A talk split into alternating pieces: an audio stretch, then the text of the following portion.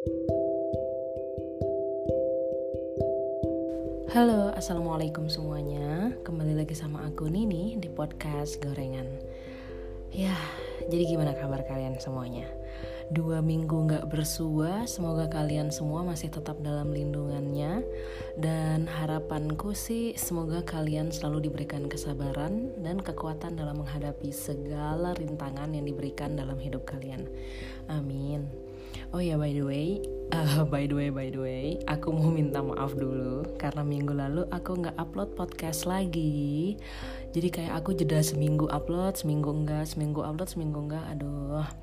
Plus aku gagal kolaps sama temanku karena minggu lalu itu pas banget aku lagi uh, wisudaan. Jadi agendanya tuh riwek banget. Akhirnya aku dan temenku itu nggak nemu waktu yang pas untuk rekaman podcast. Akhirnya dia keduluan balik ke Jakarta deh hmm. tapi aku bakal tetap upload uh, topik yang udah aku janjikan pada episode sebelumnya jadi seperti yang udah aku bahas pada episode sebelumnya uh, aku bakal membahas tentang self love pada episode kali ini di episode sebelumnya kan aku membahas tentang beauty standard tuh. Untuk kalian yang belum mendengarkan endang sana mendengarkan. Endang itu apa ya? Segera segera sana mendengarkan. Uh, pergi ke Spotify kemudian cari podcast gorengan terus uh, play deh tuh episode yang terakhir tentang beauty standard Nah, kenapa aku selanjutnya bahas tentang self love pada episode kali ini? Karena sebenarnya antara beauty standard dengan self love ini punya keterkaitan antara satu sama lain. Apa tuh keterkaitannya? kita bahas sama-sama. Jadi ketika kita bicara tentang beauty standard, pasti ada kan tuh ya beberapa orang yang menolak untuk mengikuti uh, beauty standard yang berlaku di masyarakat. Jadi mereka merasa bahwa beauty standard ini merupakan sesuatu yang toksik dan memilih untuk tidak mengikutinya. Mereka memilih untuk tetap menjadi diri mereka sendiri tetap apa adanya, tetap menjadi senyaman yang mereka bisa, intinya benar-benar apa adanya. Dan mereka mendefinisikan itu dengan self love.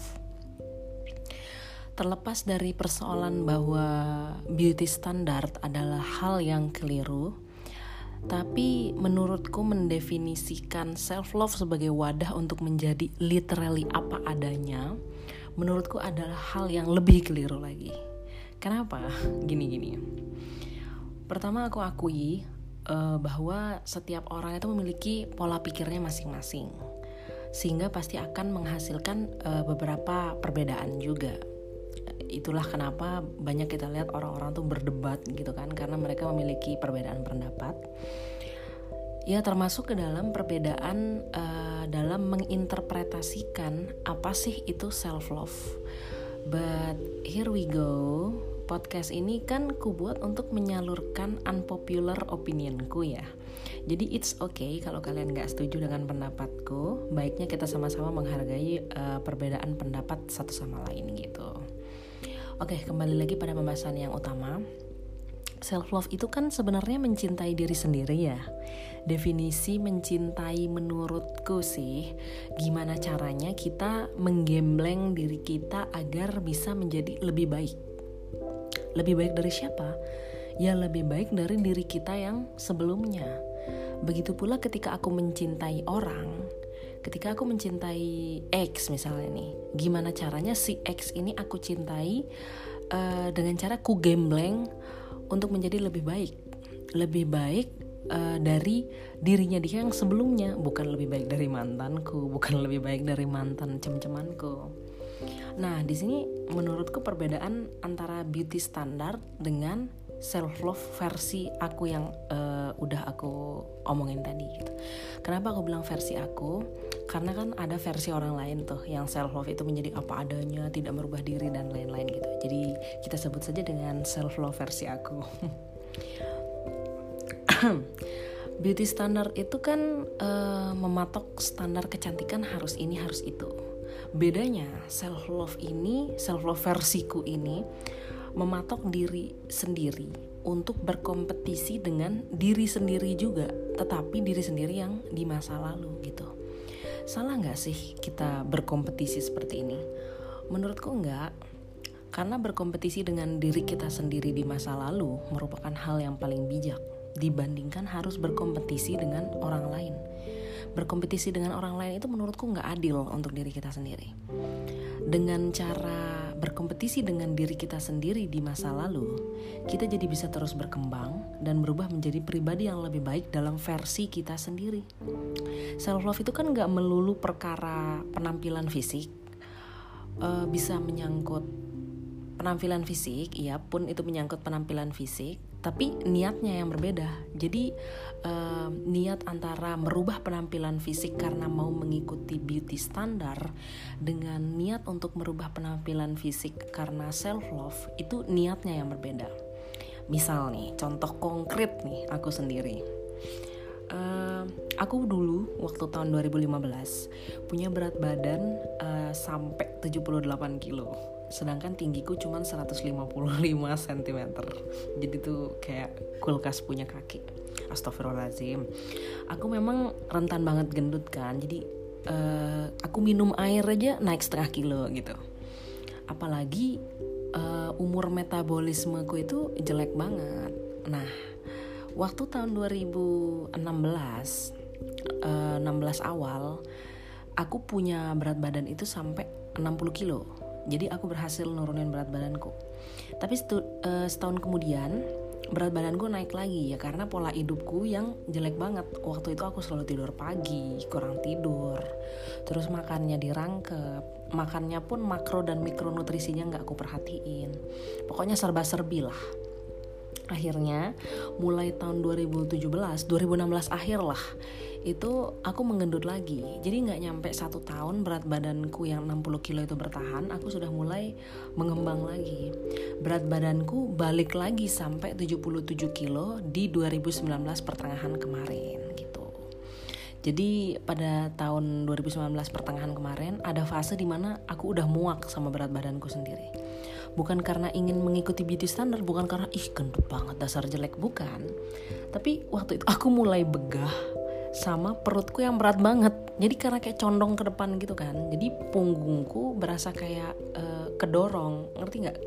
Uh, orang yang hamil pasti tahu rasanya. Tapi kalau kalian belum hamil gambarannya kayak gitu. Jadi perut kalian condong terus kayak uh, tulang punggung tuh kayak mencong ke depan gitu loh. Kayak condong ke depan juga mengikuti perut kalian. Jadi kayak apa pegel. Punggungku itu sakit. Nah uh, bedanya sama orang hamil. Kalau orang hamil tuh kan yang di yang di yang di dalam perutnya itu ada bayi ya. Kalau aku tuh kebab burger mie ayam penyetan. Sampai pada tahap aku begah itu pun aku belum memutuskan untuk diet gitu. Sampai pada akhirnya kakakku yang nomor dua itu jatuh sakit. Sakitnya dia cukup parah.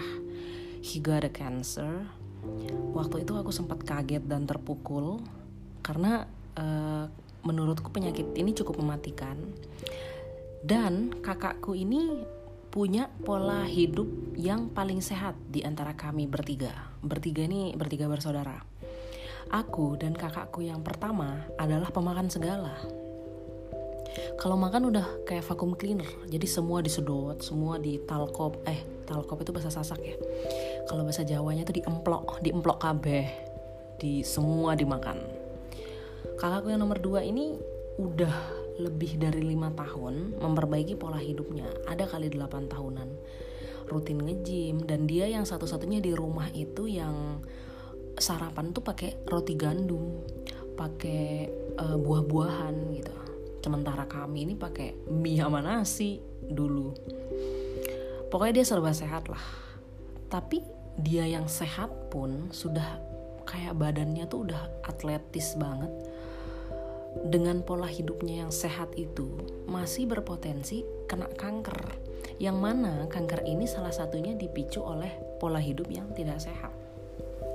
Gimana sama aku yang emang udah gak sehat gitu? Aku takut aja lima tahun ke depan aku juga jadi kayak kakakku.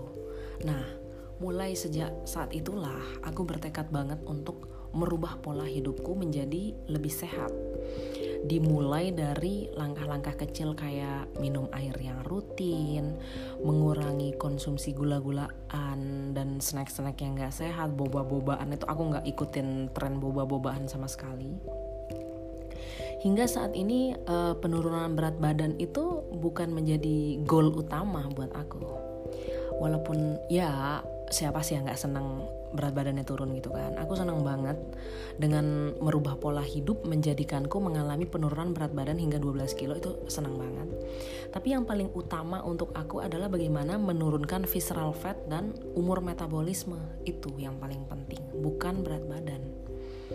Hingga saat ini aku nggak berpikiran sama sekali untuk berhenti dari pola hidup yang sekarang udah aku jalanin Nah, di sini aku bisa kasih kalian gambaran untuk membedakan mana self love versiku dan mana following beauty standard.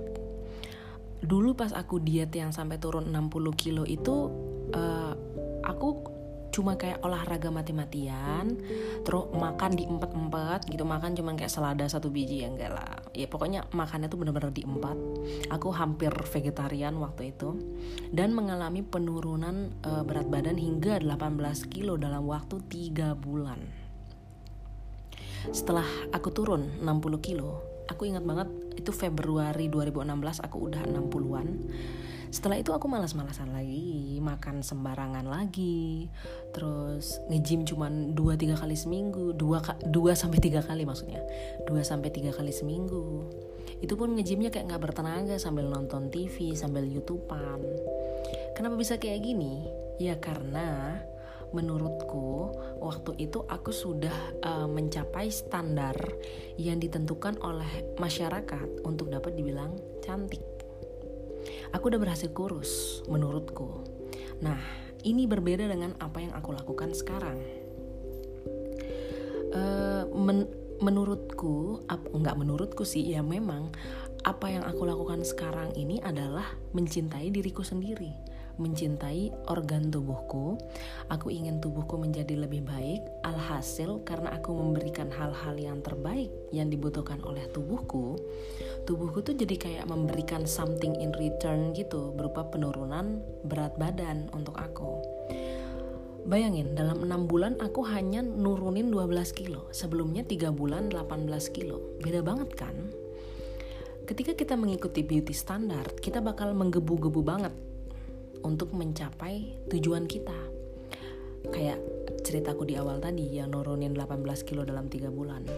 Tapi ketika kita melakukannya karena self love, semua akan berjalan dengan tenang, santai, nggak penuh ambisi, tapi tetap tertarget. Dulu, aku terus membandingkan diriku dengan orang lain. Yang beginilah, yang begitulah. Sekarang, aku terus membandingkan diriku dengan diriku yang sebelumnya diriku bulan Maret, diriku bulan Januari, diriku bulan November. Terus kubandingkan, oh iya aku mengalami perubahan walaupun sedikit demi sedikit tetap perubahan dan akan terus ku apresiasi. Misal nih yang bener-bener nyata banget, ini mungkin agak jorok tapi ini kesehatan gitu. Dulu tuh aku ambeien, aku tuh ambeien dari kelas 4 SD. Uh, dan kata dokter ambeyanku itu hanya bisa dioperasi. Tapi aku nggak mau operasi karena kalau aku operasi takutnya aku jadi nggak bisa nahan buang air gitu. Kalau udah kebelet ya udah keluar gitu. Nah jadi aku nggak mau operasi. Kalau nggak mau operasi kata dokter aku harus banyakin makan serat. Buah sayur pokoknya makan makanan serat gitulah makanan yang berserat. Dan kurangi makanan berminyak aku pantang durian pantang kambing setelah aku uh, menjalankan pola hidup yang sehat ini, aku benar-benar udah nggak pernah ngerasain yang namanya buang air besar berdarah-darah sampai nangis di kamar mandi itu udah nggak pernah sama sekali. Terakhir tuh kayaknya bulan apa ya, sebulan setelah aku ngejim lah itu masih lah September itu masih aku mengalami. Tapi sekarang aku udah kayak lancar, buang airku lancar. Ini tuh kan merupakan suatu perubahan walaupun sepele tapi ini tuh perubahan menjadi lebih baik begitu pula dengan perkara lain di luar penampilan ini kan tadi kita ngomongin penampilan ya kayak karir pendidikan atau hal-hal kecil lainnya seperti kebiasaan sehari-hari. Mungkin, misal nih, kamu dulunya kalau janjian tuh ngaret. Atau kalau bangun pagi itu gegoleran main HP dulu tanpa tujuan yang jelas, bakal ngapain. Nah, sekarang berubah. Jadi kalau uh, janjian tuh datangnya tepat waktu. Janjian jam 7, datangnya jam 7 kurang 5 menit. Jadi udah ada di tempat gitu. Nggak, nggak saling tunggu atau kalau baru bangun tidur tuh langsung bergegas melakukan hal-hal yang emang harus kalian lakukan agar tidak menyanyiakan waktu. Ini tuh termasuk self love loh. Karena merubah diri kalian menjadi lebih baik. Dari ngaret menjadi tepat waktu menggambarkan bahwa kalian sedang berusaha berubah menjadi orang yang disiplin. Dari yang dulunya nyontek jadi nggak nyontek misalnya nih, berarti bahwa kalian sedang berusaha merubah diri kalian menjadi orang yang berintegritas. Menerima diri sendiri apa adanya, menurutku bukan self love. Ini menurutku. Kita harus berkompetisi untuk menjadi lebih baik dari diri kita di masa lampau.